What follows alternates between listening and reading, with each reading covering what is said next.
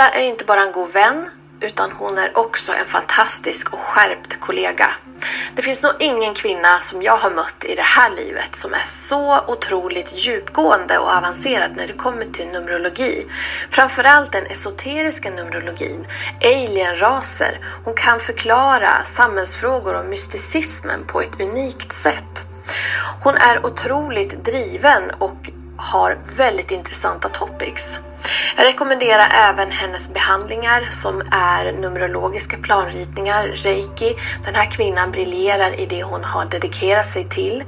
Hon är skärpt, hon är en starseed, hon är uppvaknad och hon kan på rinnande vatten hur skapelseprocessen ser ut. En väldigt skärpt, väldigt duktig kvinna som jag ger 100% tillit till. Jag har mött många människor både i Indien, Nepal, jag har mött i USA, jag har samarbetat med väldigt avancerade personer men Carola är nog en av dem som jag känner verkligen intresserar mig.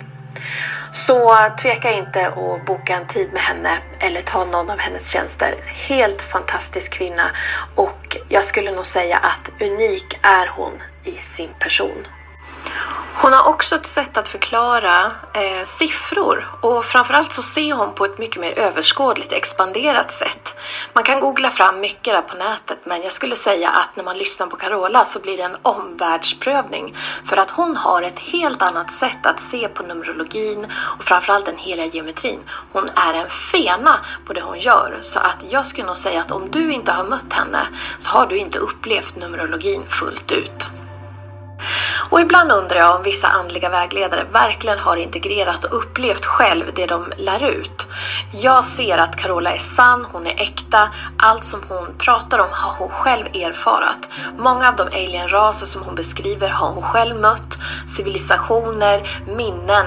Eh, allt som kommer från Carola är faktiskt självbaserad fakta som hon sedan har knutit an till den faktan som vi har tillgång till.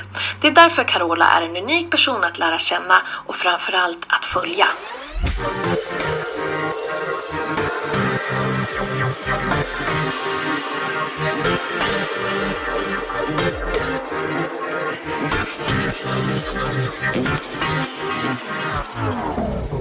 Oh, vilken feedback från min vän Oceana Gustafsson. Jag vill passa på att tacka för den här feedbacken och jag vill också tacka för de snart fyra åren vi har kumpanat ihop, eh, vi tre. Jag lägger in även Sofie här också, så att eh, Oceana och Sofie är min vänstra och högra hand det går inte en dag utan att vi pratar, vi har en egen grupp, vi bollar allt som händer från översta, översta galaxen till långt ner i underjorden. Det finns ingenting vi inte har analyserat och pratat om. Tack tjejer för att ni finns i mitt liv, tack för att ni är mina kollegor, tack för att ni stöttar och hjälper. Vi håller varandra om ryggen på ett sätt som vänner, vi är en triad, vi är eh, treenigheten, vi är triangeln vi tre. Vi är alla tre mastrar, vi kommer från samma koncil och vi har gått ner på jorden tillsammans för att göra skillnad.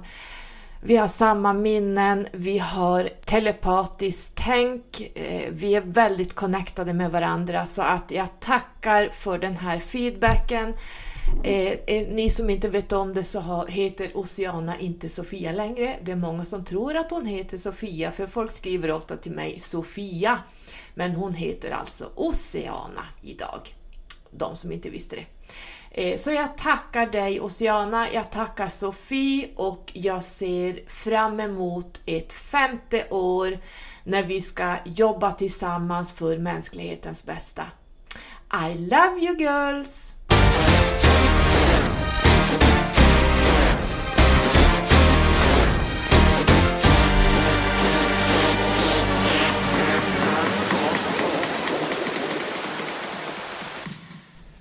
Inte nog med det så har mina två podcasts som jag nu mest pratar i, Alien-podden och Esoteriska podden, fått donationer så det dundrar om det. Eh, jag är så tacksam och det finns en person som verkligen sticker ut.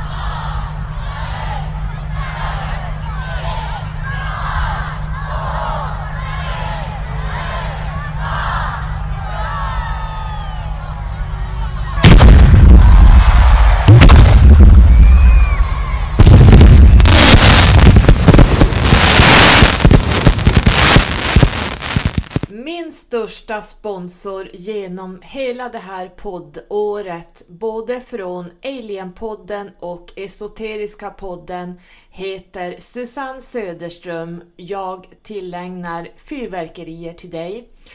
Susanne har donerat till Alienpoddens öppnande hon har donerat till livesändningen jag hade på Instagram.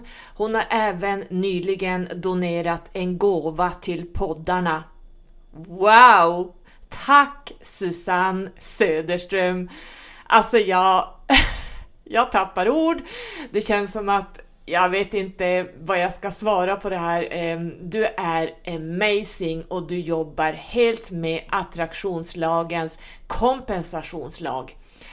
Ehm, ni kan läsa på min hemsida just om attraktionslagarna och även kompensationslagen. Jag har även utöver Susannes ehm, donationer fått en donation till Alienpodden ifrån UFO bortom rimligt tvivel podden. Den tycker jag ni verkligen ska följa och lyssna på. Eh, det är väldigt duktiga killar som sitter och pratar om UFOs och ufologin eh, väldigt avancerat. Jag har faktiskt lyssnat på två avsnitt, men jag har tyvärr inte hunnit så långt. Men tack snälla UFO bortom rimligt tvivel podcasten som också har donerat. Tack, tack, tack!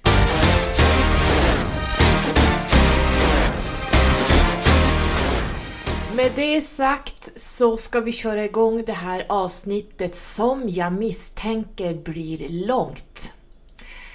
Jag misstänker att det blir ett långt avsnitt så att jag förbereder er på det. Jag vet inte, men ni vet hur jag är. Jag brukar ju prata på ut och inandningen. Jag brukar hamna på sidospår. Så att jag vill inte känna idag att jag blir panik över att det har snart gått en timme eller att det har gått fyra minuter över en timme. Jag kommer idag att prata tills jag är färdig och det får ta den tid det tar. Därför att det här avsnittet, del två från förra avsnittet, Tack för all feedback förresten jag har fått från det avsnittet. Jag har blivit totalt nedskriven. Jag kan inte tyvärr svara alla 40-50 personer som har skrivit. Jag har fått sån feedback Alltså det, det går inte, jag kan inte svara er alla, men jag är så otroligt tacksam för alla som engagerar sig och jag är helt amazed över att ni är helt medvetna om vad som pågår. Ni visste det här redan. Nu återstår det bara att jag kan inte ensam sitta med vad som pågår. Jag kan tyvärr inte, det, jag kom på massor med saker jag skulle vilja prata om 5G. Det fanns massor med jag skulle vilja fördjupa mig i det här avsnittet som pågår bakom kulisserna, men jag, jag hinner tyvärr inte. Eh, vi har pratat om det lite sinsemellan. Jag kanske har pratat med 15 stycken som jag skrivit till. Sen eh, går mina armar sönder. Jag hinner inte knappra och skriva ungefär samma saker till allihopa. Men eh, tack för feedback och tack för att ni är vakna. Och som sagt var, jag kan inte sitta ensam här. Vi kan inte sitta på en gunga och klaga sinsemellan och vara vakna och inte göra någonting åt det. För när man sitter på en gunga, då åker man bara fram och tillbaka och ingenting händer. Vi måste agera på ett eller annat sätt tillsammans. Vi måste bilda en militär light warrior, eh, ljuskrigar, vad kallas det för? Att man går ut i kollektivet och är ljuskrigare. Vi måste stå stadiga, vi måste hålla varandra om armarna, om ryggen. Eh, hela tiden. Vi måste 2023 och fram till 2030 plocka ner Deep State. Så tack alla som har skrivit och som eh, har gett jättemycket feedback på det avsnittet. Jag vill också tacka för det här poddåret med Esoteriska podden. Det har nu med dagens avsnitt blivit hela 12 avsnitt sedan jag startade den här podden. Nu har jag ju även öppnat Alien, jag driver ju Alien-podden, den öppnade jag i november tror jag va, var det då? Eh, den är ju också på gång. Där har jag väl inte hunnit sådär jättelångt. Där kan man... Jag vill börja lite försiktigt så att man börjar förstå hur, eh, hur ska jag säga, hur de har involverat sig med oss Eh, Eh, under olika tidsepoker, hur de har kommit och gått och hur olika raser har interagerat med oss. Vissa raser har inte det, vissa har jag bara träffat ute i galaxen som inte egentligen vet vad en människa är. Så är det faktiskt. Men eh, det finns 54 raser som jag har interagerat med. Ehm, så att det här blir säsongsavslut, det här avsnittet, så därför kan det bli lite långt. Vi ska se vad jag har på agendan. Jag har skrivit upp... Eh, vi ska se om jag har det pappret någonstans. Men jag, kom, jag hittar inte pappret jag har skrivit upp nu, men jag eh, kommer att prata om, nu kommer jag starta upp att prata om astrologiskt är vi inne i skyttens eh, höll på att säga tidsålder, vi är inne i skyttens period som vi alldeles strax om några dagar avslutar. Idag när jag spelar in har vi den 19 december tror jag. Jag jobbar hela helgen så jag vet inte vad det är för dag. Men jag tror vi är inne på måndag den 19 december idag 2022. Vi är inne i skytten och jag kommer inte prata astrologiskt idag om att Venus är inne i stenbocken och Merkurius är inne i stenbocken. Det här får andra sköta. Jag tycker det, det, det finns så mycket eh, Youtube-videos där ute som berättar vad som händer och jag skulle vilja promota den absolut bästa astrologen i hela världen enligt mig som heter Chris Brennan. Jag skriver med honom privat en gång, jag har hjälpt honom med en viss tarotläggning han hade så att jag hjälpte han med ett kort där och han var väldigt tacksam. Han har en, både en podcast som är kopplad också, han spelar in via Youtube och gör en podcast av ljudet. Och han heter The Astrology Podcast. Och eh, jag vet inte hur många hundratusen eh, lyssnare han har per avsnitt. Han gör väldigt, väldigt långa avsnitt, två till tre timmar långa så att man ska verkligen, det, det är väldigt bra eh, saker han tar upp. Och det jag gillar med honom det är att han jobbar med den forntida astrologin. Och enligt honom, precis som jag, så gillar han, han sätter prägen på sekt. Och jag har haft ett avsnitt i Skyrocket-podden om hur viktigt sekt är, det vill säga att man delar upp astrologikartan från första huset till sjunde huset, det vill säga man drar ett streck rakt över cirkeln och där har man natthoroskopet och ett daghoroskop. Och det är väldigt viktigt där att man läser, om man är natthoroskop så ska man läsa sin ascendent och man ska läsa sitt månetecken. Är man däremot född på dagen, då kan man även lyssna på sitt astrologiska tecken och man kan läsa eller lyssna på och läser i och för sig eh, sitt, sin ascendent men mer eller mindre hoppar över månetecknet om man är ett, en dag, eh, dagfödd så att säga fram till sjunde huset. Därför att månen representerar natten och solen representerar dagen. Så att är man dagfödd då har man ett daghoroskop, det vill säga sekt, det betyder ovanför ett första till sjunde huset som jag har promotat i det avsnittet, att då tittar man på då kan man titta på sitt stjärntecken. Jag tycker man kan läsa alla tre. Eh, men han menar på också att, att eh, om man ska lyssna på till exempel 2023 för lejonet som är då jag min ascendent, då kan jag lyssna på lejonet och jag kan lyssna på vågen för jag är en, eh, ett natthoroskop. Och då ska man också veta att natthoroskopen Eh, jag har till exempel Jupiter i mitt andra eh, hus, det vill säga där har vi det ekonomiska huset bland annat. Jupiter gör sig absolut inte stark i ett natthoroskop.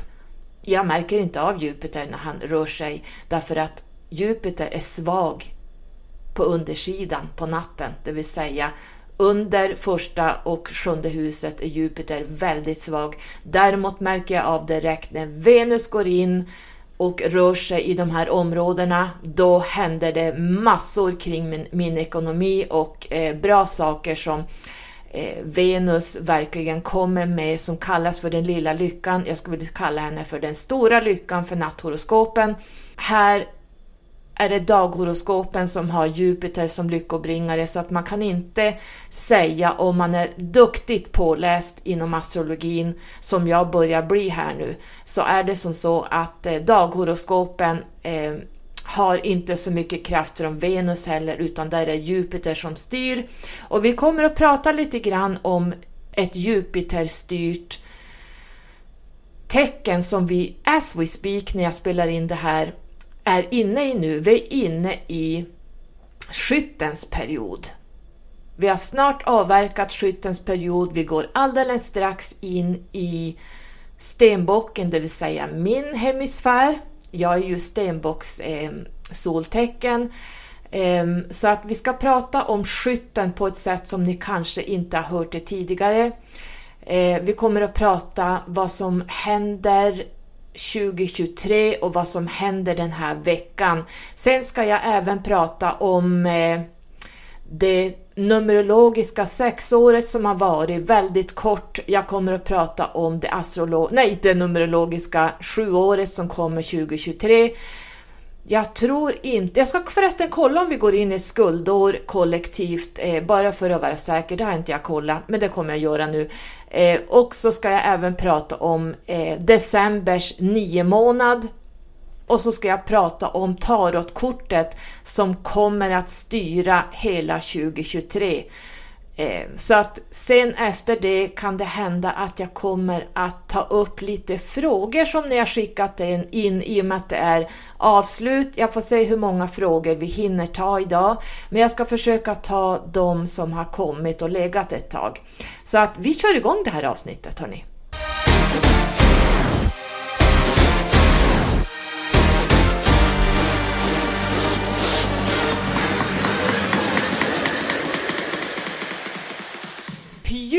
Det stora jag skulle däremot vilja säga det är att Uranus och Saturnus som har slagits, krigat och mer eller mindre dräpt varandra i två, tre år nu. Jag kommer inte ihåg hur länge de har hållit på. Var det sedan 2021, 20, 2020, 2021?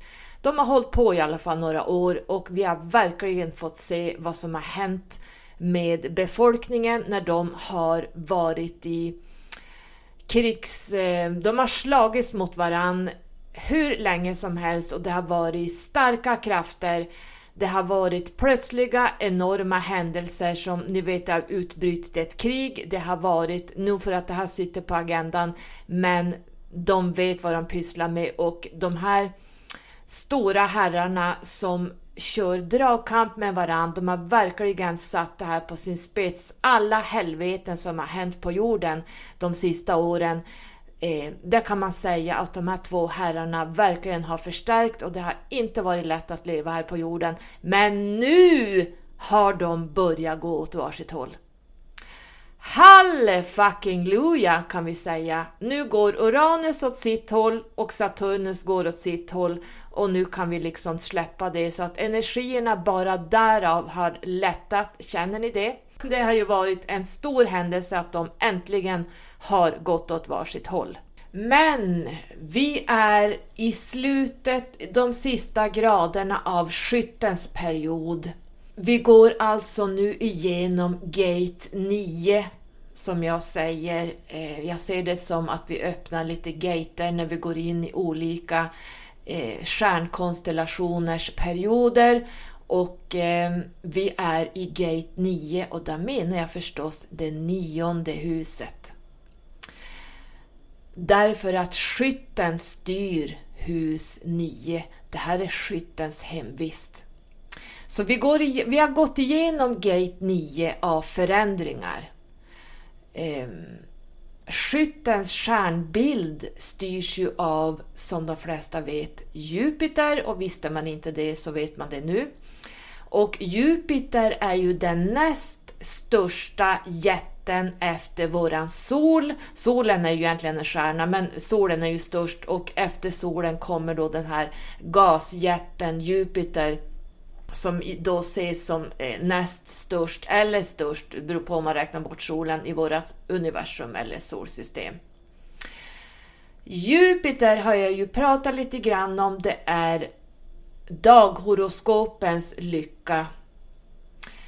Natthoroskopen känner inte av Jupiter sådär jättemycket, men Jupiters egenskaper är ju eh, stora lyckan för daghoroskopen, eh, Jupiter förstorar upp saker. Vi pratar om expansion, att utvidga och sprida, att den här eh, expansionen ska spridas över världen skulle man kunna säga. Och man brukar också säga att skorpionens period som vi då lämnade före vikingskytten gick in i skytten är jobbigast. Här håller vi på med skuggarbete och här går vi igenom det mest transformerande och det som det känns mörkaste på året. Men är det verkligen sant? Är verkligen Skorpionens period det mörkaste på året? Nej, inte enligt mig. Jag anser att skyttens period är mörkast och svårast. Jupiter, jag kanske ska nämna det också att Jupiter är inte bara lycka därför att Jupiter förstorar saker.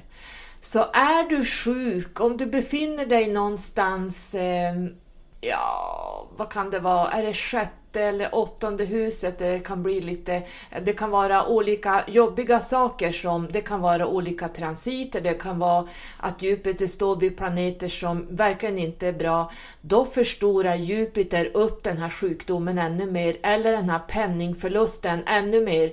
Så att Jupiter förstorar allting där han står och med de energierna han har bredvid sig, det kan vara eh, Saturnus, det kan vara Mars, det kan vara saker som eh, inte är så bra som pågår och kommer Jupiter in där, då blir det förstoring av eh, ja, men, dåliga saker också. Så att man ska vara medveten om att Jupiter inte bara halleluja, utan Jupiter kan också förstärka det negativa. Så det ska man vara verkligt på det klara med att akta sig för att det kan förstoras uppåt det negativa sidan också. Den 22 i 11, det vill säga den 22 november, visst var det den dagen jag öppnade Alien-podden? Ja, det var det nog. Men i alla fall, den 22 i 11, det vill säga 22 november, så gick vi igenom Gate 9. Vi gick in i skyttens period som styrs av Jupiter. Vi lämnade då de djupa skuggsidorna och de djupaste vattnen i Skorpionen av transformation. Så vi öppnade dörren in till Gate 9 och Skyttens hus. Här ska vi följa det inre ljuset. The final dance with the fire.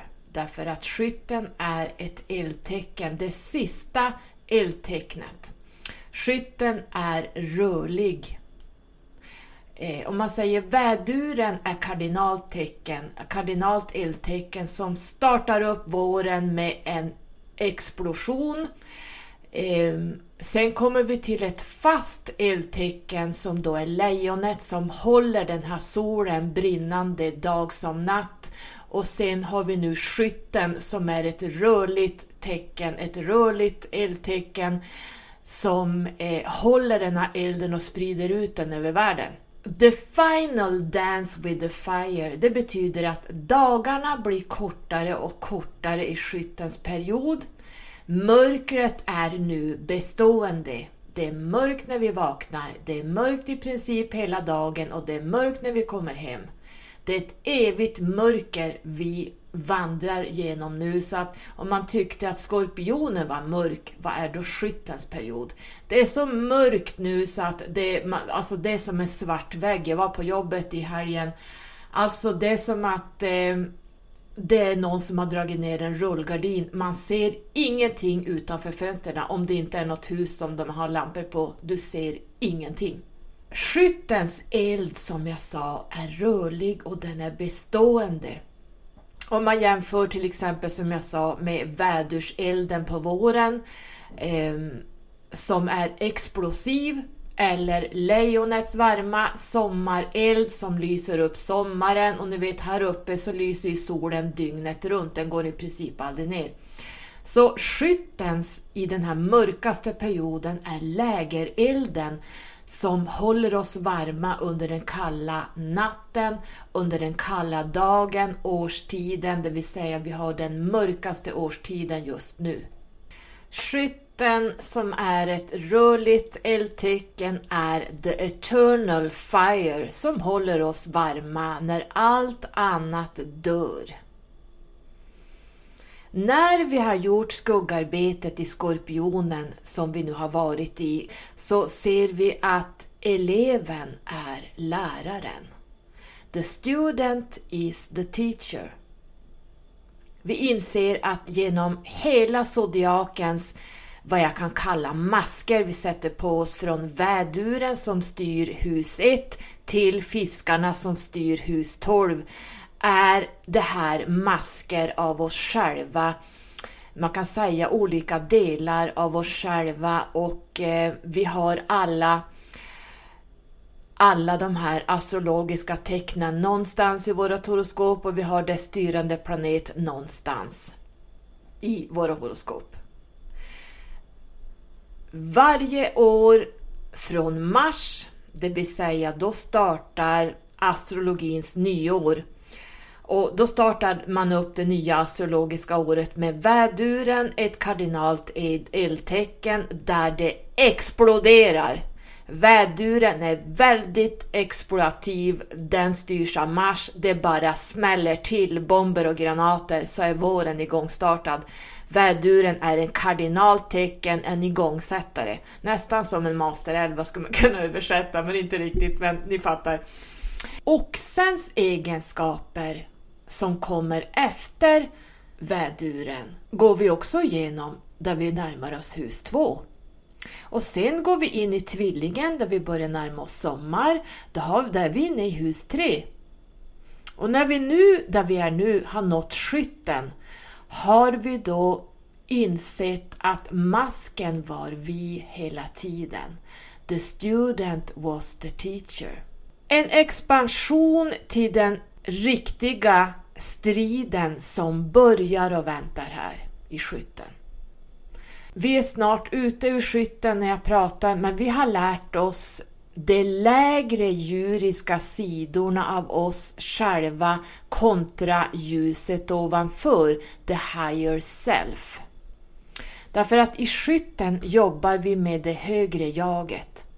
Att vara optimistisk genom Jupiter trots att The winter is coming. Jag fick upp det ordet nu i huvudet. The winter is coming. Vi är optimistiska trots att allt är mörker, allting dör, det är kallt, det är elände.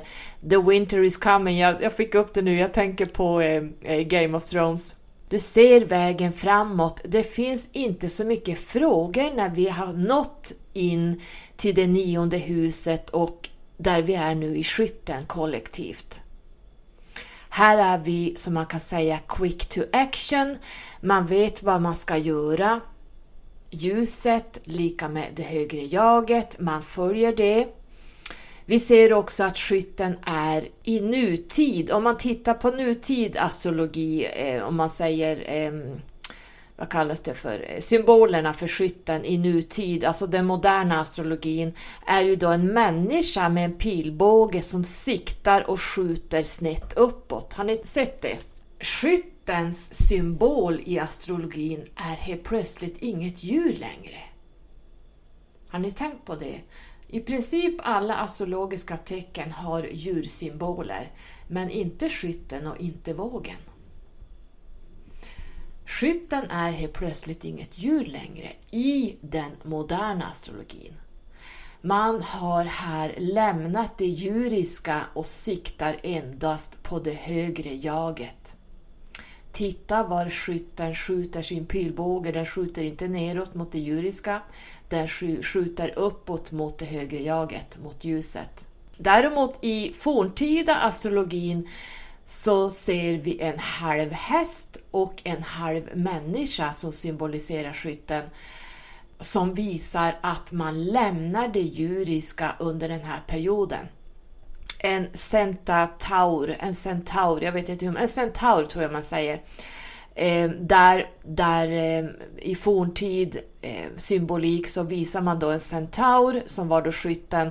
Det var ju då en halv häst tror jag och så en halv människa. Så att här går man från det djuriska till människan och upp mot ljuset. Eh, the eternal light, the new eternal light who burns within skulle man kunna säga.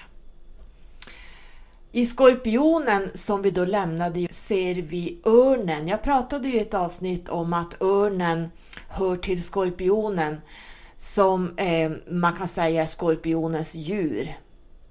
Och den här örnen flyger över mot det högre jaget. Vi lämnar det djuriska. Vad finns bakom det 3D-djuriska tankestyrda ridån? Vi separerar oss från vad vi vet från det mänskliga djuriska till det högre medvetandet. Vi går in i vad man kan säga eh, the five senses, vi går in i eter. Alltså det högre jaget, anden eller hur man ska kalla det för. Eh, varför kättar vi fast oss i 3D i det djuriska? Vi håller på med det sexuella, vi håller på med eh, polariteter, vi håller på med dualitet, vi håller på med all jävla skit här i 3D.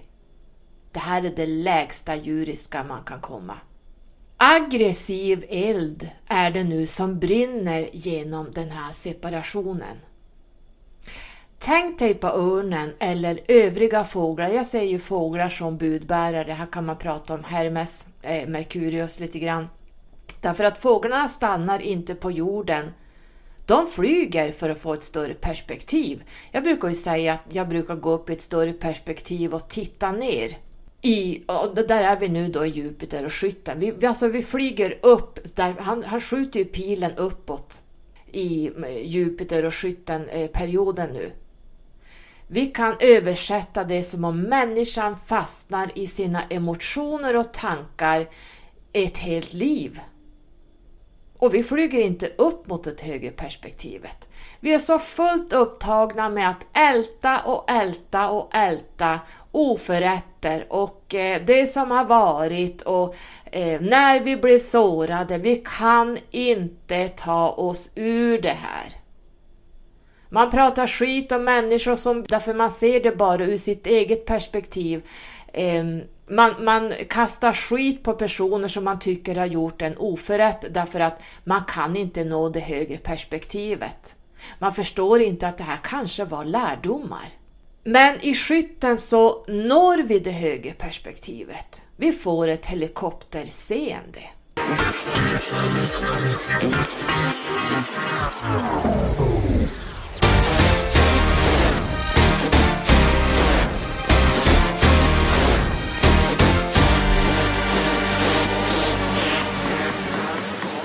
Den numerologiska tvåan och femman skulle man kunna säga är motsatser till varandra där den ena är en version av den andra. Nian och sexan är lika så. Ehm, om vi då går in med numerologin i Gate 9, det vill säga skyttens hus, så är det också en motsats till sexan.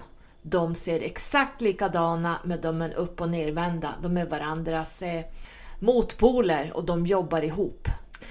Sexan, det året som vi nu snart lämnar, är livmodern, den kosmiska föräldern, den gravida kvinnan. Om ni tänker er att sexan ser ut som en gravid kvinna med en stor mage som astrologiskt föds ur jungfrun men även kräftan. Kräftan är ju astrologins moder. Vi går inte in på det djupare här.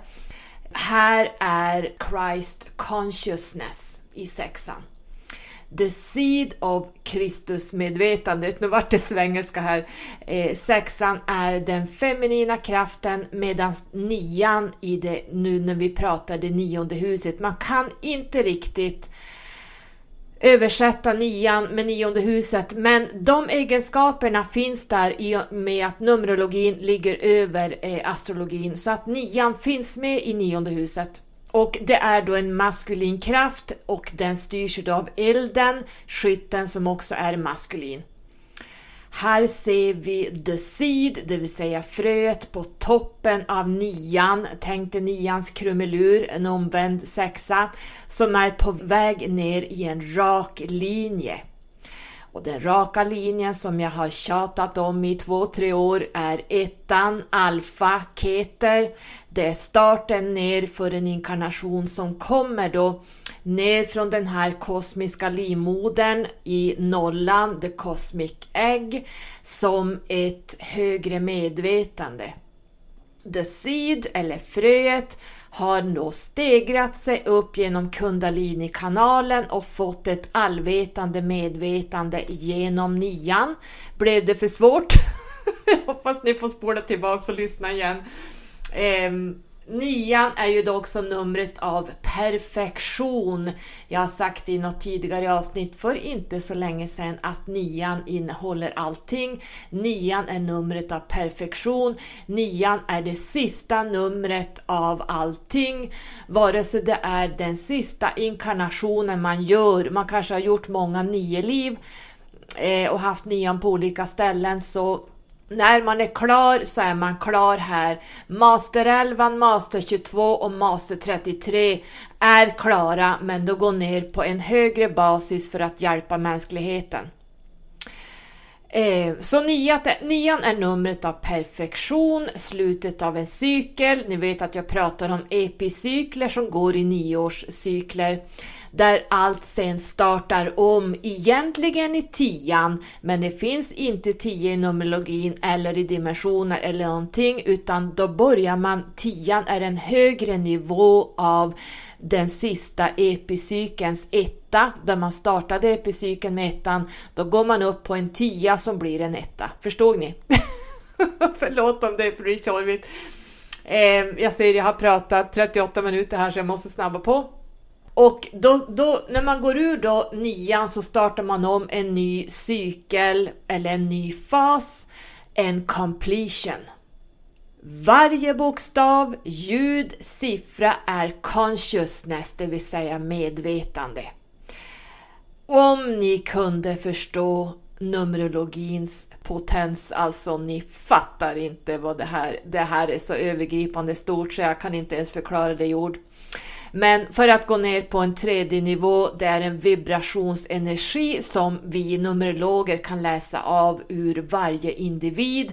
Allting som rör sig här nere, vi kan se numerologiskt på allting. Det spelar ingen roll, jag läser allting numerologiskt först och sen kan jag gå in ner på 3D och titta hur det spelar ut sig i det fysiska. Jo, var var jag någonstans? Varje bokstav, ljud, siffra är consciousness, medvetenhet. Det är en vibrationsenergi som vi då numerologer läser av ur varje individ, esoteriskt, hur långt man har kommit i olika delar av ens inkarnation. Nian pratar också genom Hermit, eremiten i tarotkortet, eremiten nummer nio. Ehm, jag vill även lägga till att eremiten också är en sjua.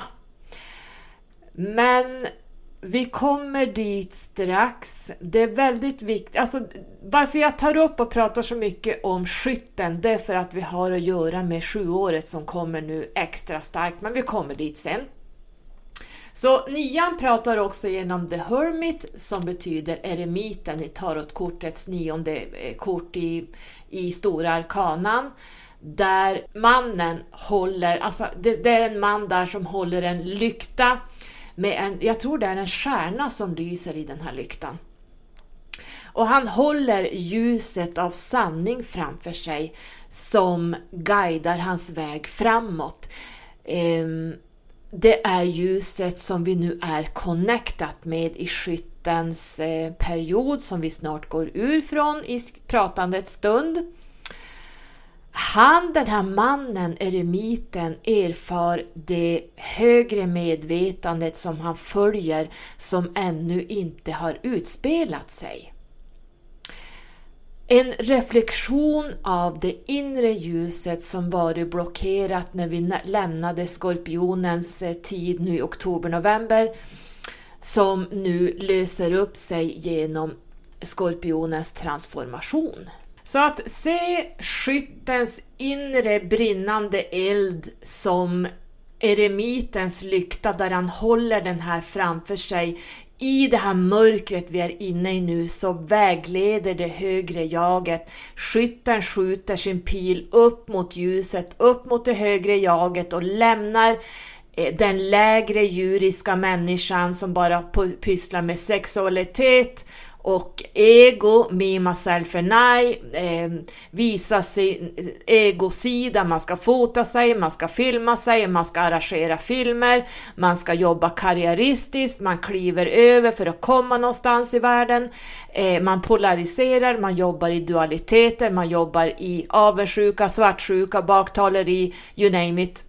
Så att nu i skytten så jobbar vi oss mot den här lyktan. Eh, vi följer den här inre elden som skytten nu brinner inom alla oss under hela skyttens period som har varit nu, eller som är just nu när jag pratar. Vi kan nu se vårt syfte, våran destiny, processen framåt. Reflektionen av det inre ljuset, the eternal light som brinner inom oss, som eh, nu i den här skyttens period kommer ut. Samma brinnande ljus som nu håller oss varma genom vintern, ljuset som inte gör oss ostabila när någonting traumatiskt händer vi står stadigt i ljuset för att vi stirrar på den här eh, skytten som skjuter pilen uppåt mot ljuset eller eremiten nummer nio som tittar hela tiden neråt på det här ljuset. Han tittar neråt på sin lykta. Han följer den här lyktan. Skytten förbereder oss också på vad som kommer under 2023. Filosofi, sanning sökande under hela 2023. Sju året The Universal Force of Consciousness. En högre utbildning och studier representerar skytten och här kommer vi att förlänga detta med och under sju året kollektivt under hela 2023.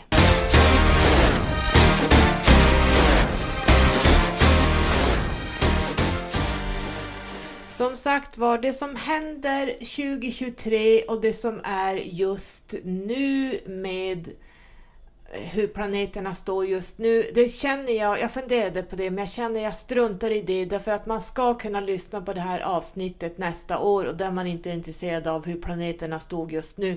Så att vill man ha, och jag tycker det, man ska titta på The Astrology Podcast, gärna på Youtube, där man kan se sitt års, eh, hur det är med varje stjärntecken.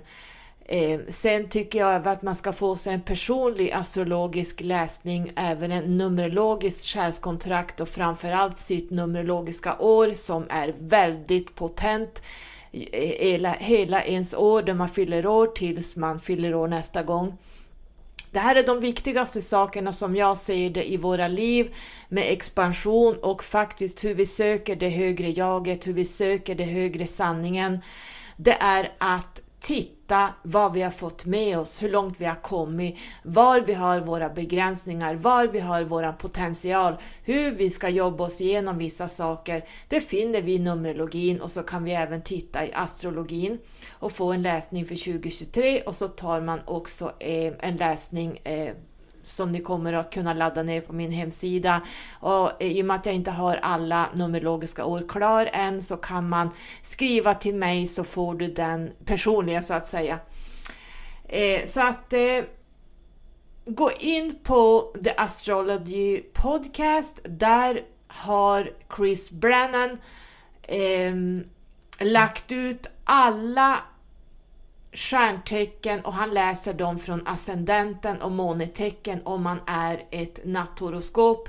Är man ett daghoroskop då kan man både titta på sitt stjärntecken och sin ascendent. Då har ni alla stjärntecken där så att det tycker jag ni ska göra. Han berättar också om 2023, hur det ser ut eh, astrologiskt sett om man är intresserad av det. Jag överlåter sånt, alltså det här är tre, fyra timmar att prata om vad som händer på himlavalvet. Den tiden finns inte. Så, men det jag, det jag kan välja ut det är att de större händelserna och det är min styrande planet, den stränga fadern, den karmiska lagen, den eh, han som styr eh, ansvar och pliktkänsla, han styr eh, att vi gör rätt för oss. Han ser till att det är ordning och reda och löning på fredag. Han är sträng. Han delar ut karma när vi inte sköter oss. Han är eh, tiden. Ja, ni vet att jag pratar om Saturnus här, eh, han som är då, som jag brukar säga, min pappa. Han flyttar då över från Vattumannen till Fiskarna. Oh, var det mars, 7 mars? Det skulle jag kollat upp. Ja, ni får titta. Jag tror det var 7 mars han flyttade från eh, Vattumannen in i Fiskarna. Och här bör han stanna till 2026 va?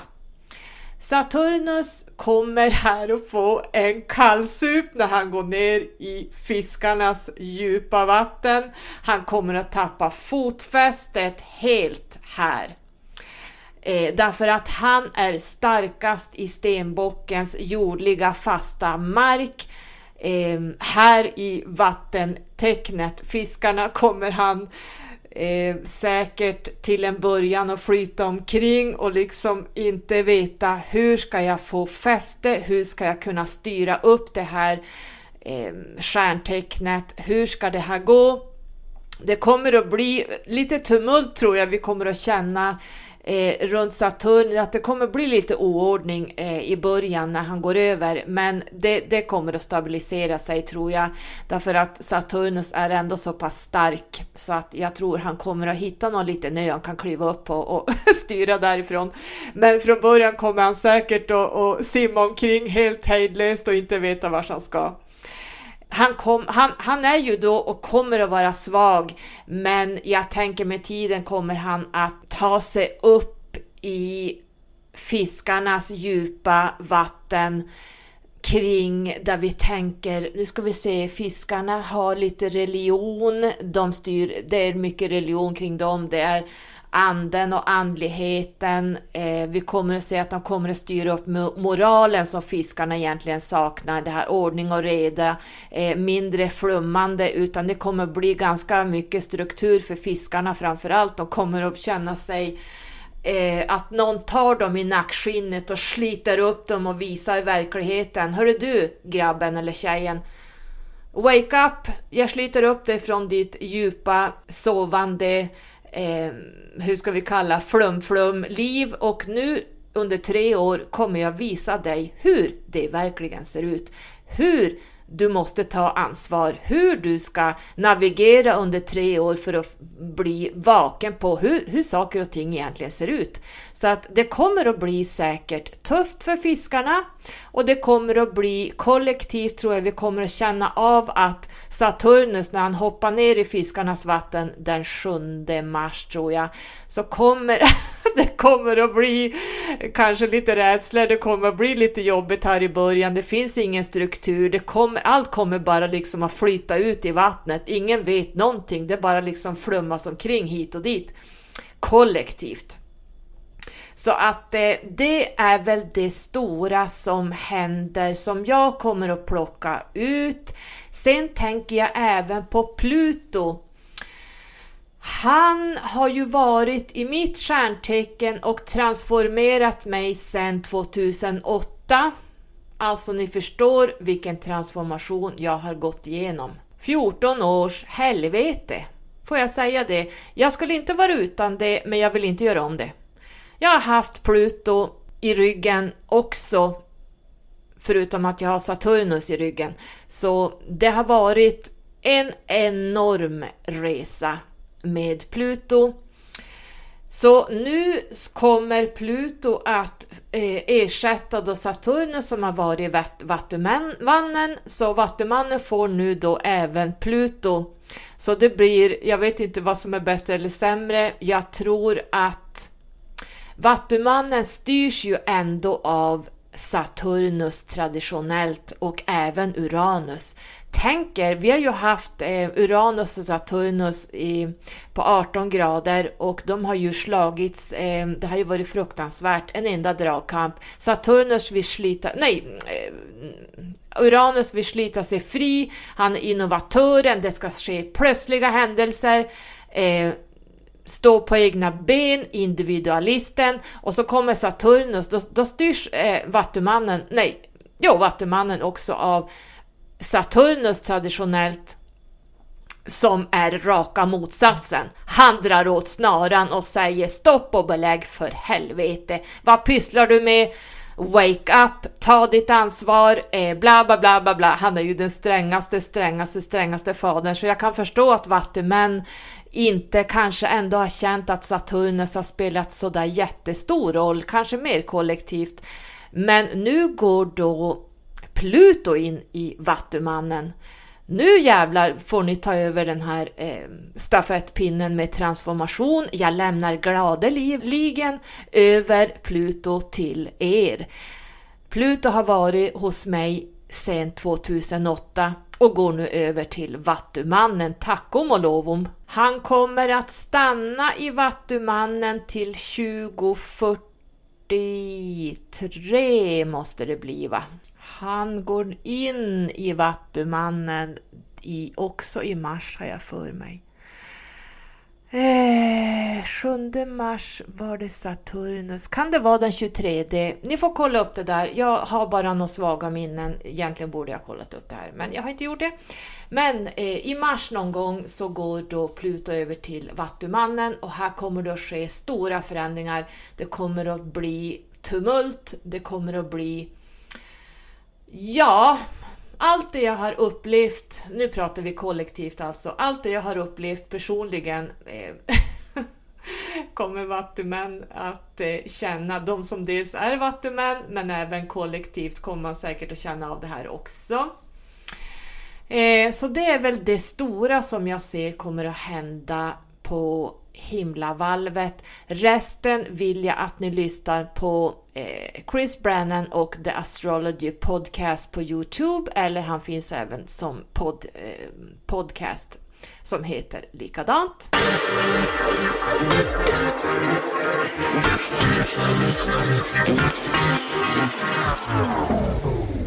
Ja, tro det eller ej, vi lämnar det kollektiva numerologiska sexåret, det vill säga 2022. Och det är alltid svårt i början av ett nytt kollektivt år att veta vad är det för egenskap som kommer att spela ut sig kollektivt. Sexan står ju för många egenskaper. Sexan är väldigt potent. Sexan är en nyckelspelare sexan har mycket på sin eh, lyra att spela ut. Jag funderade, kommer det att vara A, B, C eller D. Ja, ni förstår. Vad kommer? Kommer det vara? Många tycker ju att sexan är kärleken. Nej, det kan jag nog inte säga att sexan står för. Då har man fått det hela om, om fel fot. Då står man på fel fot. Då läser man sexan ur tarotleken The Lovers. Eh, och inte ens The Lovers handlar om kärlek. The Lovers handlar om val som man gör. Jag brukar säga att eh, de står eh, i Bibelns The Eden, Edens trädgård, där man har eh, en man och en kvinna som står bredvid varann. Vart tittar mannen? Jo, han tittar på kvinnan. Det handlar om fysisk, djurisk kärlek. Han vill ha henne.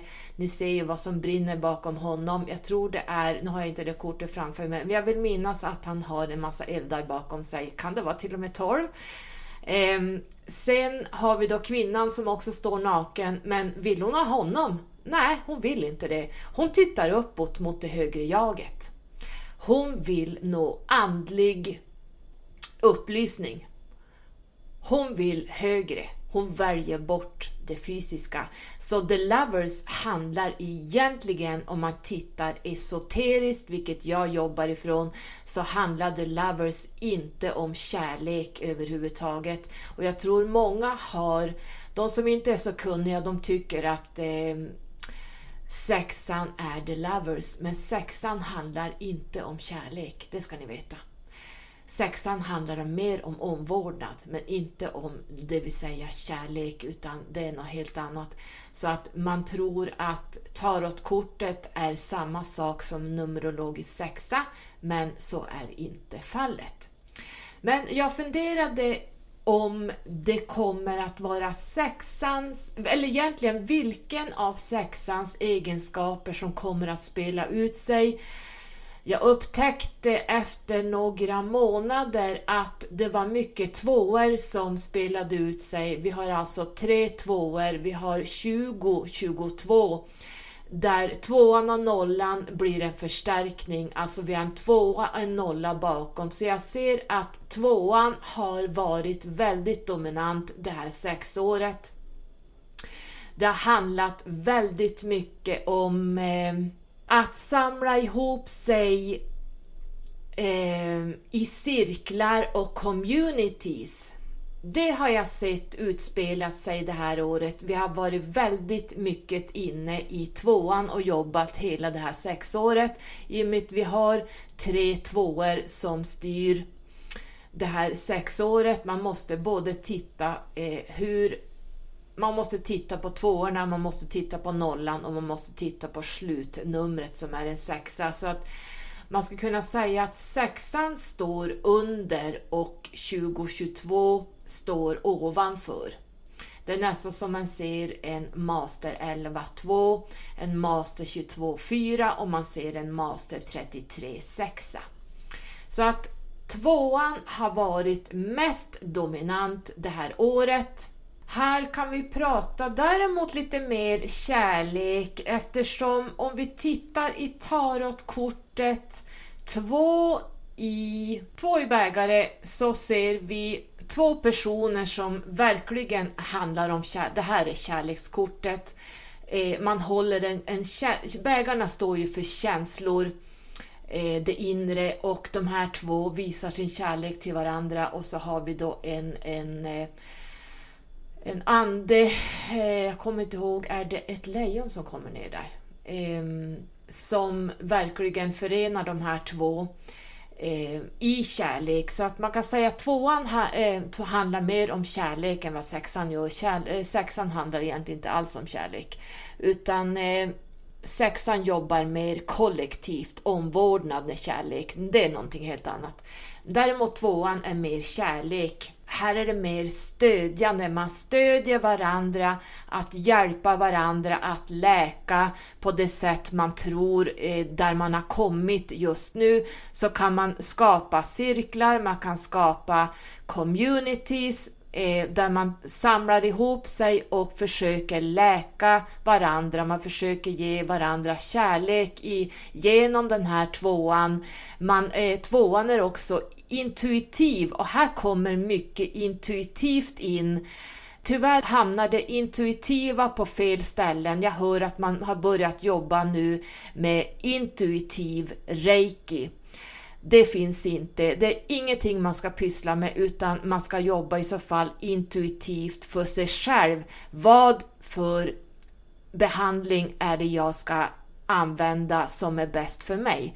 Så att man, man kan säga det att eh, det har varit ganska många viktiga livslektioner att lära sig och sätta värde på sig själv genom att sätta sig själv främst här under det här året.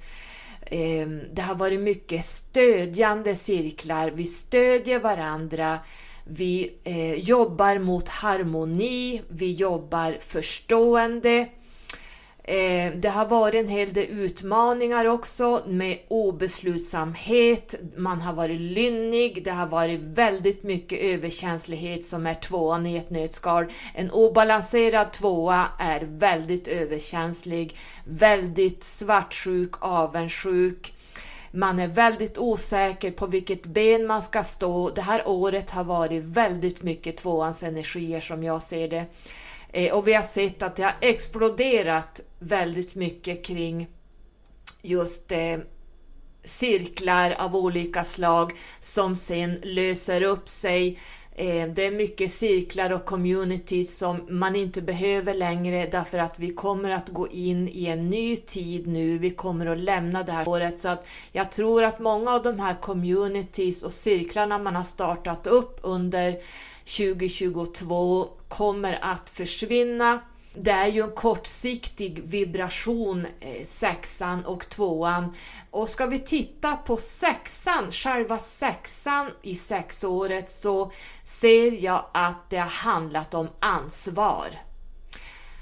Sexan har mycket strängar att spela på. Eh, sexan är den kosmiska föräldern som har ett övergripande ansvar och här ser vi, här kan jag ställa mig själv, eh, en krigare, en ljuskrigare, en indigosjäl som går in och tar ansvar för en massa saker som händer eh, i kollektivet och vad som händer i världen.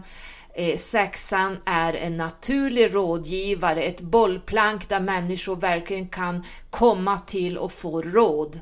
Det är ju sexans energi som vi har känt av här. Det är många som kliver fram och går in i sexans energi Eh, men den, den, energin kommer att släppa för de som inte har en sexa någonstans i sitt själskontrakt. Det här är en kortsiktig, ettårig energi som har gått in och den kommer att släppa nu.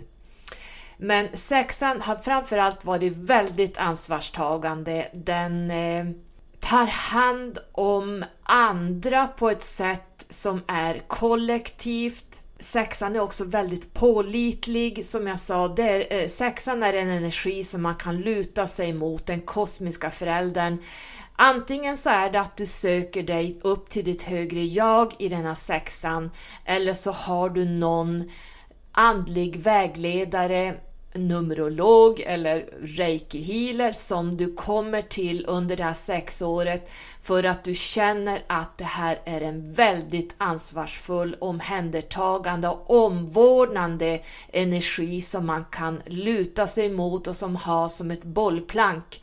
Men nu släpper vi snart sexåret som faktiskt har dominerats av tvåan eh, som jag ser det nu när jag tittar tillbaka hur det har sett ut. Det har varit en fruktansvärt fruktansvärt år.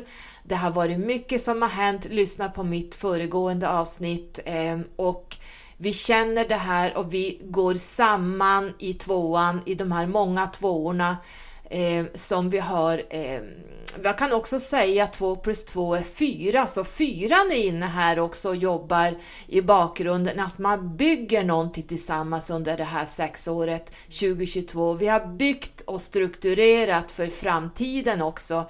Jag ser att ni har jobbat väldigt duktigt, eh, alla andliga som lyssnar på det här, ni har jobbat jättebra, ni har jobbat med er egen inre utveckling, ni har jobbat kärleksfullt de flesta av er, ni har jobbat eh, sympatiskt, ni har jobbat stödjande, kärleksfullt, ni har jobbat pålitligt, ni har varit diplomatiska, ni har skapat väldigt mycket communities och cirklar som jag ser nu kommer att lösa upp sig för vi går snart in i ett sju år och nu blir det en kalldusch. Nu blir det en helt ny universell global kollektiv energi som går in redan den första i första 23 eh, som jag kommer att gå in i snart. Så att eh, det är det korta jag kommer att, det är den korta versionen jag ser av sexåret som har varit. Jag som numerolog då, så att eh, bra jobbat allihopa! Jättebra jobbat!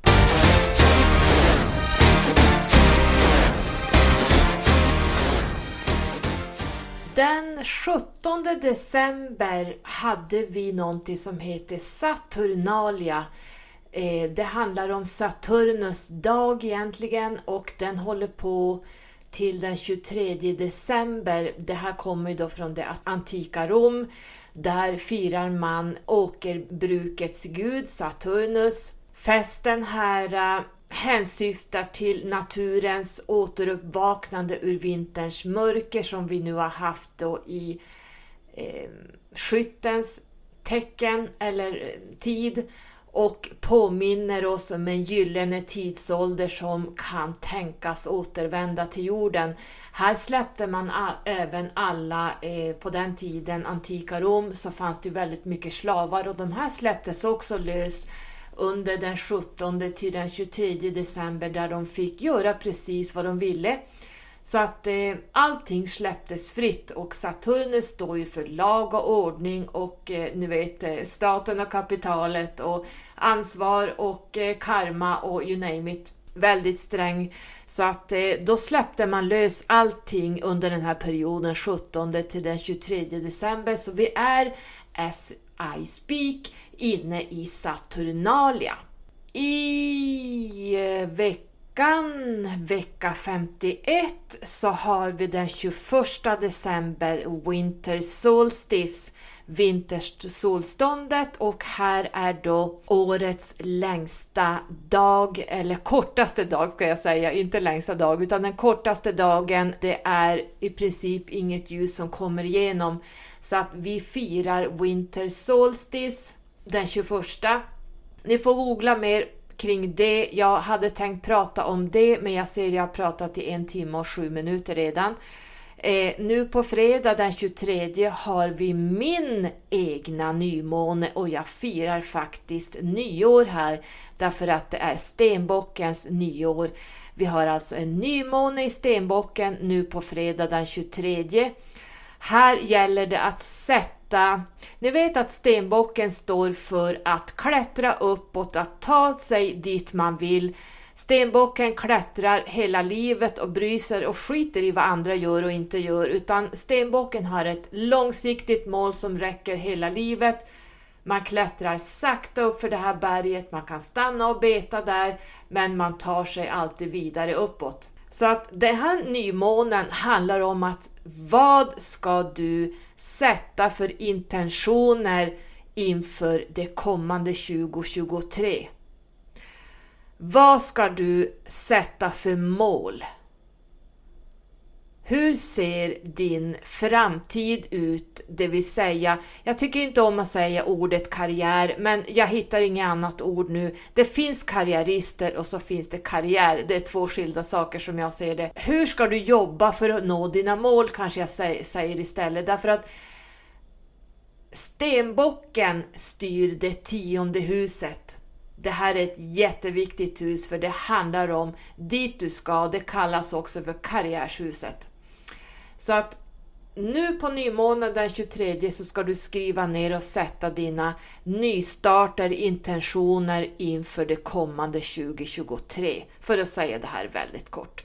Man brukar också säga att stenbocken avslutar året och stenbocken påbörjar det nya året. Den här veckan går vi nämligen över till stenbockens tid, stenbockens stjärntecken, det vill säga mitt stjärntecken. Och det sker den 21 december. Och stenbocken håller på, alltså stenbockens tid håller på från den 21 12 till den 20 i första. Så jag är ju då en eh, decemberstenbock. Min mellansyster är en januaristenbock och vi skiljer oss från, som natt och dag. Så det är väldigt stor skillnad om man är en december eller en januaristenbock.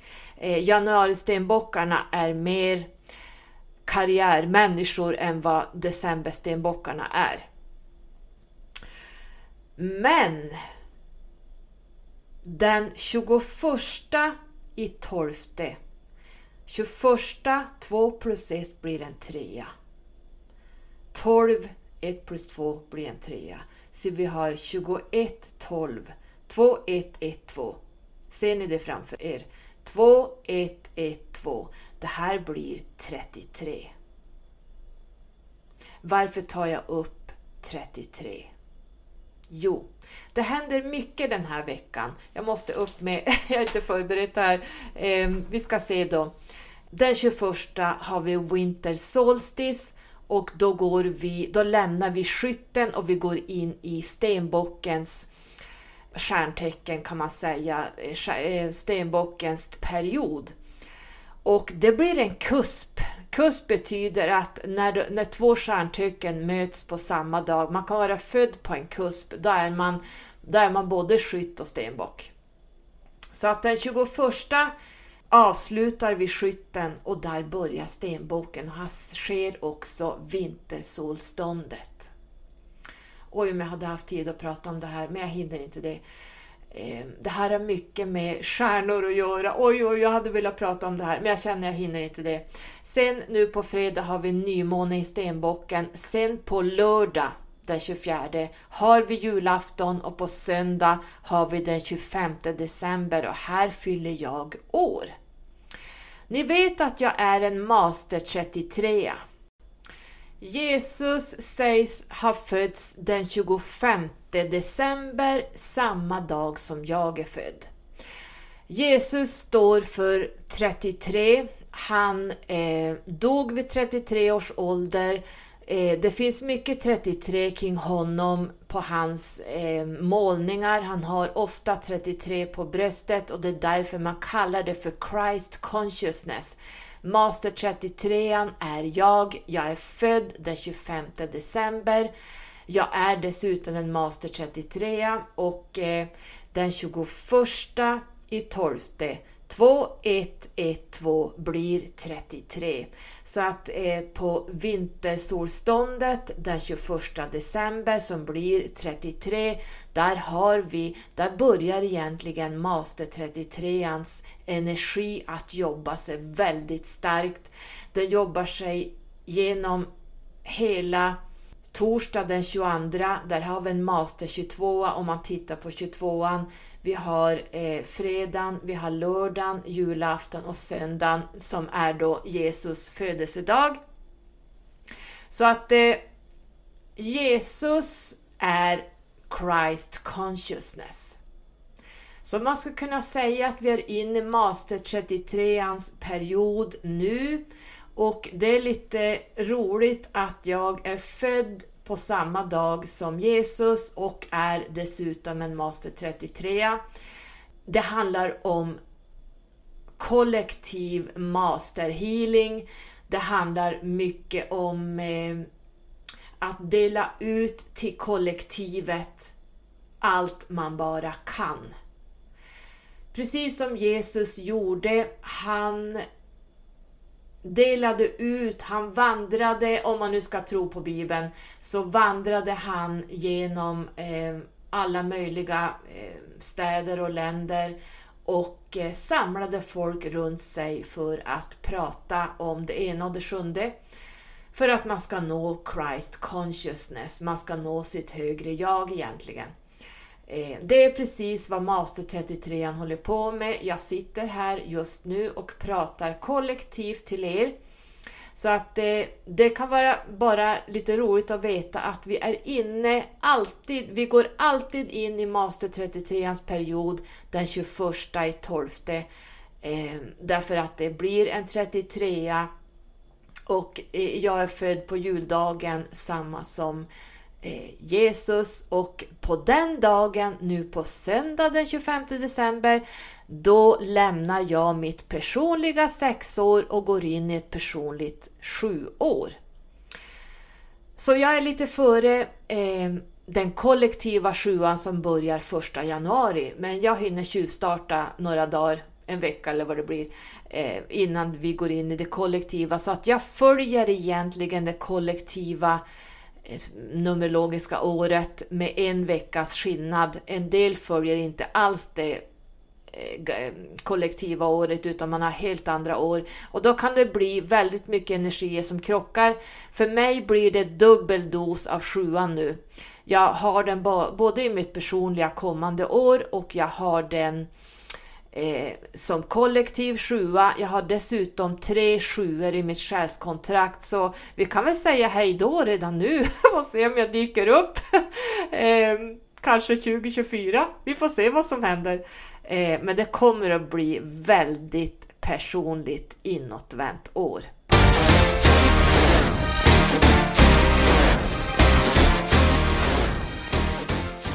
Jag har nu suttit i 8,5 timme och pratat men vi har totalt en timme och 15 minuter på, i podden oklippt. Så att eh, ja, jag börjar få ont i nacken, jag har ont i arslet. Jag har inte kommit så långt än. Jag tror jag får backa ur det här sjuåret. Eh, jag får, tror jag får ta och eh, klippa ner det ordentligt. Men vi kan säga så här, sjuåret som vi går in i 2023, där kan man säga att skytten har skjutit pilen in mot det globala sjuåret. Och då pratar jag det inre ljuset. Därför i det här året kommer vi att jobba inåt. Sjuan kan inte översättas från ett själskontrakt till ett personligt år eller ett globalt år. Ehm, en sjua som man har i själskontrakt kan inte översättas som ett personligt år och absolut inte som ett kollektivt år. Det vill jag bara ni ska veta så att man inte sitter och tror att om man har en sjua någonstans att det handlar om det eller det. Glöm det bara. Eh, det är helt olika saker och helt olika eh, utgångar.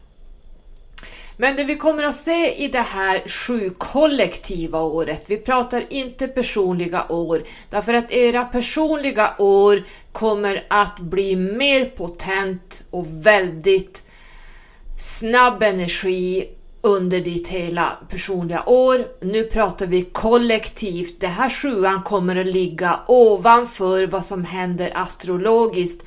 Den här sjuan kommer att trycka på med sin energi, men sen kommer astrologiska händelser påverka oss kanske mer än vad sjuan upplevs. Däremot det, det personliga året är väldigt potent. Så att det vi kommer att se, som jag tror det, det är att communities, cirklar och förbund som är uppstartade under både femåret och sexåret kommer att läggas ner eller gå på paus, eller kanske man säger stå på paus. Ettåret handlar ju om att lära sig att stå på egna ben, att vara unik, individuell, att jobba ensam genom mod och kraft. Sjuan är också ett ensamår, men här jobbar vi inte med mod och personlig kraft utåt, för ettan jobbar egentligen med personligheten, att ta sig fram utåt. Sjuan är kollektivt ett inåtår, ett introspektivt år. Sjuåret kollektivt är ett väldigt viktigt nummer då det handlar om just reflektion. Att tona ner, bromsa ner och framförallt reflektera. Hela kollektivet kommer att göra tvärnit, man drar i bromsen. Det kommer att kännas som om allt står stilla i samhället.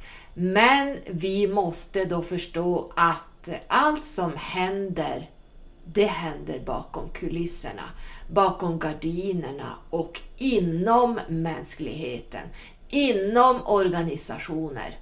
Här kommer kollektivet att titta på vad vi har lärt oss hittills som kollektivt, som mänsklighet. Var var vi för ett år sedan? Var var vi för tre år sedan? Som kollektiva människor. Vilka läxor har vi genomgått? Vilka erfarenheter har vi genomgått? Vad har vi lärt oss? Här det här året 2023 kommer vi att dra till oss visdomen, kunskaper och vi kommer att integrera det här kollektivt. Vi drar som sagt var i nödbromsen. Vi blir mer och mer align med vårat mänsklighetens öde. Vart är vi på väg som mänsklighet, som kollektiv? Var ska vi? Och om du har lyssnat på förra avsnittet så förstår du vad jag tänker på. Här preparerar vi för våran framtid som mänsklighet, som människor. Sjuan kollektivt handlar om visdom. Vad gjorde vi rätt och vad gjorde vi fel? Var vi off track? Det kan vi väl nästan säga ja, det är vi nog och har varit. Sjuan tvingar oss kollektivt till insikter att jobba med det djupaste inom oss. Detta för att vi ska preparera oss och eh, göra klart, göra oss redo inför nästa kollektiva år 2024 som blir ett åtta år. Och det här gruvar jag för redan nu, därför åtta året är det mest svårrattade år som finns. Det, det svåraste siffran överhuvudtaget, beroende på hur man har betett sig. Och vi tänker och tittar tillbaka hur vi kollektivt har jobbat oss fram till det här kollektiva åttaåret. Åttan är ett karmiskt tal. Så ni förstår att åttan kommer att bli så mycket karmautdelning kollektivt att ni anar inte. Människor kan under 2023 som kollektiv känna sig vilsna, de kommer att känna sig i skuggan av sig själva. Man kommer att känna brist på mening. Eh, som att man, vi eller vi som kollektiv har kört helt ur spår. Vad gör, lever vi för och varför? Jag pratade lite grann om det här i det förra avsnittet. Vi kommer att se en kollektiv depression, vi kommer att se lite ångest, vi kommer att se rädslor, att börja titta inåt i oss själva eh, kollektivt. The big why bakom vissa dysfunktionaliteter i samhället. Kollektiv ensamhet, en känsla av förluster, ibland död. Därför att jag förberedde er på det här i förra avsnittet. Vad är livet och vad är döden? Om vi som kollektiv inte vill ha med döden att göra, eh, för vi kommer nämligen att se mycket död den kommande åren och ni vet varför, så är det dags att vi börjar reflektera vad död och livet är ur ett sju år, sju, sjuans perspektiv där man jobbar introspektivt och man jobbar inåt. Man jobbar även eh, väldigt intellektuellt också i ett kollektivt sjuår. Vi kommer även att fortsätta att jobba med 20, det vill säga tvåan, förstärkta nollan 20, 23. Så när jag pratade om 20, tvåan i under sexåret tidigare i det här avsnittet så kan ni spåra tillbaks där och lyssna för det här kommer att återupprepa sig lite grann. Vi får se hur det blir. Det beror på vilken som blir starkast. Det kan vara tvåan, men vi har även en nykomling 2023 som är den kreativa trean i 2023 som kommer hjälpa oss kollektivt med kreativiteten att prata och skriva. Så att vi får se om trean blir starkare än tvåan 2023 och vi ska se om sjuan orkar hålla energin över trean. Vi får se. Trean är också ganska stark, men jag tänker att om man blandar ihop tvåan, trean och sjuan så tror jag det kan bli ett väldigt bra år. Men nu pratar vi inte oss som individer utan vi pratar kollektivt. När man pratar om ett kollektivt, universellt, globalt, numerologiskt år, då pratar vi inte om individer. Vi pratar om alla människor. Så att det är inte individuellt en sjua. Jag har en sjua, ett sjuår som jag går in i, så jag jobbar individuellt med sjuan. Och även kollektivt så kommer den stå ovanför mig också, så jag har dubbla sjuor. Eh, och så har jag tre sjuor i självkontraktet, så för mig kan vi säga ju eh, med mitt, eh, jag vet inte, men jag tänker att jag jobbar, jag är van sjuan, jag eh, jobbar med sjuan dygnet runt eftersom jag har tre sjuor så att för mig blir det här kanske mer att jag fortsätter i samma spår fast nu har jag nu har jag liksom, nu kan jag glida på ett bananskal genom sjuan för att nu är det liksom både globalt sju år och personligt sju år och mina tre sjuor i själskontraktet så att nu blir det fan i mig fem sjuor som strålar igenom mig här. Vi får se vad som händer med mig nästa år. Eller redan på mm, till veckan. Ehm, jag tänker att jag säger inte så mycket mer om sjuåret. Jag återkommer nog ehm, i slutet av 2023 och tittar, är det tvåan eller trean eller sjuan som har varit mest dominant? Eller har vi fått lite små portioner av de här tre? Det återstår att se vad som händer kollektivt och hur samhället utvecklar sig i organisationer, eh, politiskt, ja, Eh, inom jobbet, i samhället, på ja, men allt som händer utanför oss. Det är där den här kollektiva sjuan kommer att arbeta.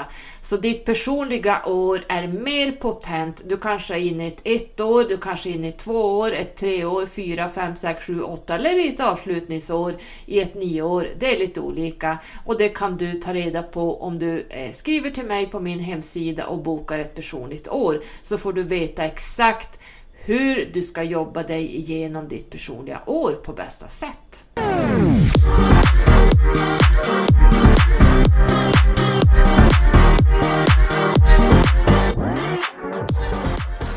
Då har vi kommit till 2023 års tarotkort som är då nummer 7, vagnen, The Chariot. Vagnen representerar viljan av källan skulle man kunna säga. Nyckelordet är att vara fängslad och fast. Och då menas i talet alla ord som vi säger kan fängsla oss och eh, både som idéer eller tankar. Ett bra vokabulär är kraftfullt och en kraftfullt, kraftfullt verktyg för beskydd, faktiskt att vi kan eh, komma fram i livet. Eh, här kommer numerologin in också att talet, ljudet, bokstäver, siffror avgör var vi hamnar någonstans. När vi pratar sätter vi igång en rörelse av vibration som jobbar sig upp i etern, spacet och faktiskt ända upp till Akasha. Och Blavatsky, Madame Blavatsky sa Sound of speech is a tremendous force when directed by occult knowledge. It is only when we become still, quiet and receptive that we can be victorious. Then the primal force can work through us. Så symboliskt är vagnen själen som eh, styr den här vagnen som då eh, är kroppen. De här båda sfinxerna ligger helt stilla, de kommer inte att röra sig. Eh, det här är ett inre arbete, hur vi ska ta oss framåt. Ehm, man lämnar den här staden bakom sig, man lämnar det här 3D Matrix och man ska nu jobba andligt i sjuans eh, inre ljus. Man ska jobba med sig själv eh, inåt, man gör en introspektion och först då kommer själen så småningom under det här sjuåret att börja röra sig åt vänster eller åt höger. Den svarta sfinxen är den feminina sidan och den högra är den maskulina sidan. De här två ska vara i balans så att egentligen ska vi inte trycka att vi kör åt höger eller åt vänster utan de här två ska ställas upp samtidigt i det här sjuåret när själen och anden ger kommando att nu går vi framåt. Så att den här vagnen står helt stilla tills vi har gjort en introspektion, vi har pratat med våran själ, vi har pratat med anden, det högre jaget, vi är klara med eh, var vi är någonstans, att vi ska jobba inåt, vi ska reflektera, vi ska omorganisera inne, inne, inuti oss, vi ska liksom ta de här inre det är det inre som styr vagnen. Vagnen är bara kroppen och just nu som ni ser på kortet så står allt stilla, ingenting händer och det ser inte ut som de här sfinxarna som drar den här vagnen kommer att röra sig på ett bra tag. De ligger ganska skönt och de ligger och ser helt avslappnade ut. Så att eh, vagnen är årstarotkortet för 2023 och det symboliserar sjuåret ganska bra eh, fast ur ett tarotperspektiv. Men det är ändå att vi ska jobba inåt, vi ska jobba med själen, vi ska jobba med intellektet, vi ska jobba med anden, vi ska jobba med det högre jaget ehm, och faktiskt göra en djup rensning, ett genomgång. Vad har jag lärt mig? Eh, vart är jag på väg? Vad har jag gått igenom de senaste åren? Eh, hur långt har jag kommit? Hur mycket har jag kvar? Vad har jag fortfarande kvar att jobba med? Och ju mer du inser att jag har ganska mycket kvar att jobba med, då kommer de här sfinxarna att ligga stilla och sova.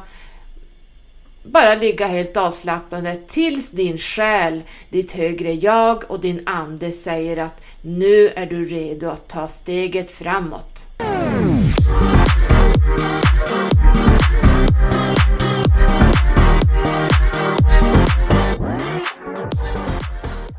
Det var allt för idag. Tack för att ni har orkat lyssna ända hit. Jag hoppas att ni tyckte att det var eh, intressant. Jag har pratat i en timme och 32 minuter och jag känner att min nacke går av, min rumpa är helt bortdomnad, mina fötter känner jag inte. Det har väl blivit eh, 8-9 timmar nu så att eh, tack för era donationer. De hjälper att sitta så här många timmar, för så här många timmar tar det faktiskt. Tänk om det bara tog en timme och 32 minuter att prata, men det gör det inte.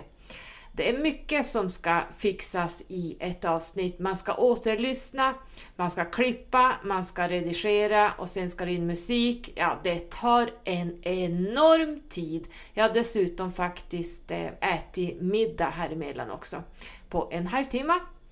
Så det kan vi räkna bort då. Så åtta och en halv timme är vi kvar på då. Men eh, tack för att ni har lyssnat. Ehm, det här är säsongsavslutning.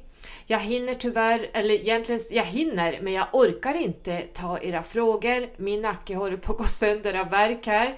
Så att vi avslutar nu tänker jag. Ni får ha en bra Winter Solstice, ni får ha en underbar nymåne i stenbocken, ni får ha en underbar julafton, ni får ha en underbar nyårsafton och eh, ta hand om er, förbereder för det nya kollektiva året som går igång på nyårsdag, eller nyårs, eh, ja, nyårsdagen den 1 januari 2023. Då går vi alla in i ett kollektivt sjuår det kanske tar två veckor, tre veckor innan ni börjar känna av den här energin.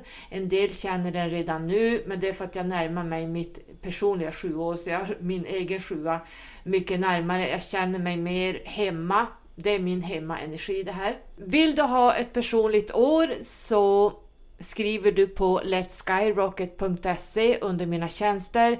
Vill du ha ett numerologiskt själskontrakt som är väldigt potent, det här är det enda säkra sättet att få veta vem man är, varför man kommer ner, hur långt min själ har kommit, Ehm, jag kan faktiskt svara på en fråga. Det var en fråga eh, som... Eh, en fråga, det var en fråga som frågade. nu är jag trött. Det var en person som frågade om man kan räkna ut sin själ, hur långt själen har kommit via att räkna ut eh, när man är född, det vill säga år, månad och dag. Svar nej, det kan man inte räkna ut sin själ, det är din livsväg och det är något helt annat. Själen kan man, räknar man ut på ett betydligt mer svårare sätt. Så att nej, man kan inte räkna ut hur långt din själ har kommit genom att räkna ut dina födelsesiffror så att säga. Det är helt felaktigt. Så tro inte att livsvägen är själen, det är helt felaktigt. Men vill man ha en, sitt numerologiska själskontrakt så kontaktar man mig på letskyrocket.se under tjänster. Vill man ha äkta Usui japansk reiki så kan man kontakta mig också där.